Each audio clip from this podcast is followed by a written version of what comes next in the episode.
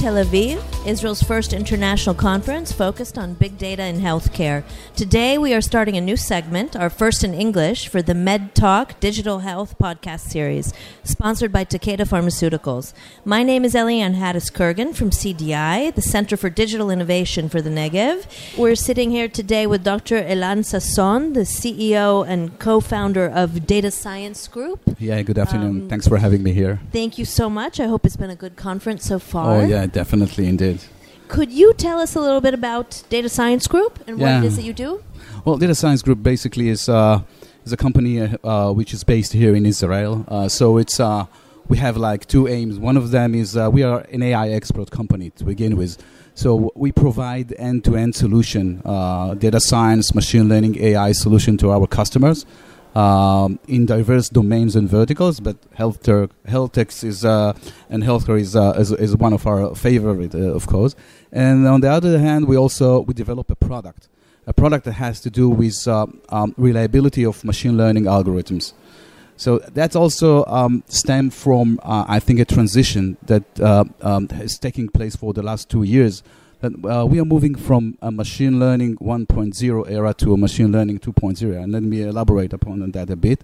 So, uh, so far, I believe most of the company they are still um, in the phase of experimenting and toying around with data, with use cases, and trying to build their own com- competency of data science. And uh, and they do a lot of work there with the infrastructure, with uh, trying to, uh, to scope the, the, the use cases and so on. But once they move to a production environment, once they found um, um, a machine learning algorithm that works best for them, then the, the question is is that model is reliable over time? And why is that? Because the model takes its data from the outside world and the data changes all of the time right? There is a, a what we call shift in the data set concept drifting and the concept drifting affect the model performance. Let's say you're doing a prediction model and you have a prediction accuracy or a, a re- precision on recall and what we do basically we monitor the changes. And we do that in agnostic way meaning that we don't want to be part of the internal of the model. So it's like a black box. So we put probes sense all over the, the that process and we um, trying to detect those changes and see how those changes affect the model performance. So that's a software as a service solution. It's going to be on the cloud. So that's basically what we do and i believe that also um, signified the transition from machine learning 1.0 to 2.0 from toying experimenting to a production to real life problems. Got it.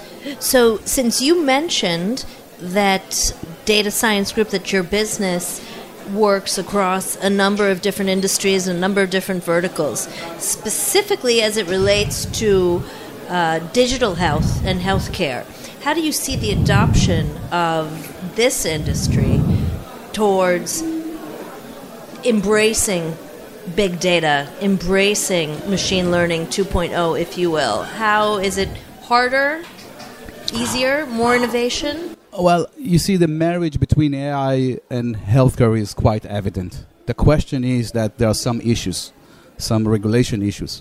So I think the idea about issues such as explainability of models and reliability of the models. So let's take, for example, um, um, healthcare uh, setting. Uh, you have a medical diagnosis, right? And you have a doctor using uh, machine learning algorithms to predict whether, whether to, uh, um, um, to, to have um, a surgical operation for a patient. So the idea that the doctor should ask himself or her, should I trust the model, right? How the model came um, came about the, this decision? What kind of feature and variables contribute the most to his prediction? So, uh, but it's also a question from the patient point of view. Why should I do- uh, trust a doctor, which is trusting a, a, a, a machine? So that's maybe a psychology-related problem, and it's not our uh, mission. But that's the, the reliability, interpretability, explainability, fairness, ethical issue. I think this is something that we have to look forward in the next uh, two years when it comes to the marriage of AI and healthcare. And you you mentioned the psychological there are with healthcare. Certainly, there's there's plethora of data certainly there's plethora of data everywhere, but specifically with healthcare, we've heard today at the conference the issues of privacy and issues of regulations, regulations specifically from country to country, even in the states, state to state, very complex. Um, so, how do you see in your in your five year outlook of big data? Since you your company is the the software as a service data scientists, how do you see big data changing in the next uh, changing business, healthcare business in the next five years?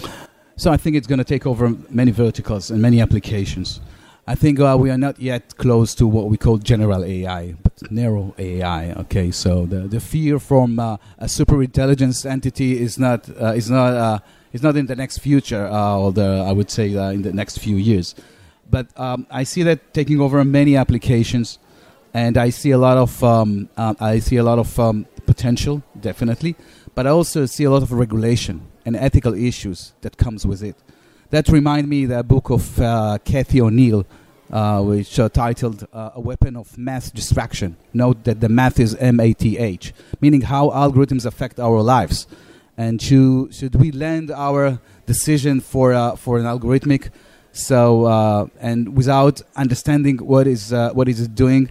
So that's major question that humanity will face, and, and, and it's not just technical issue or how good is my algorithms or should I you know come up with better algorithms but also some ethical issues that I I'm I'm quite concerned about those mm-hmm. issues as well mm-hmm. so Dr. Sasson thank you so much for your participation today in the oh. podcast oh. and I hope you have a successful rest of the conference this oh, afternoon oh, thanks for having me thank, thank you. you.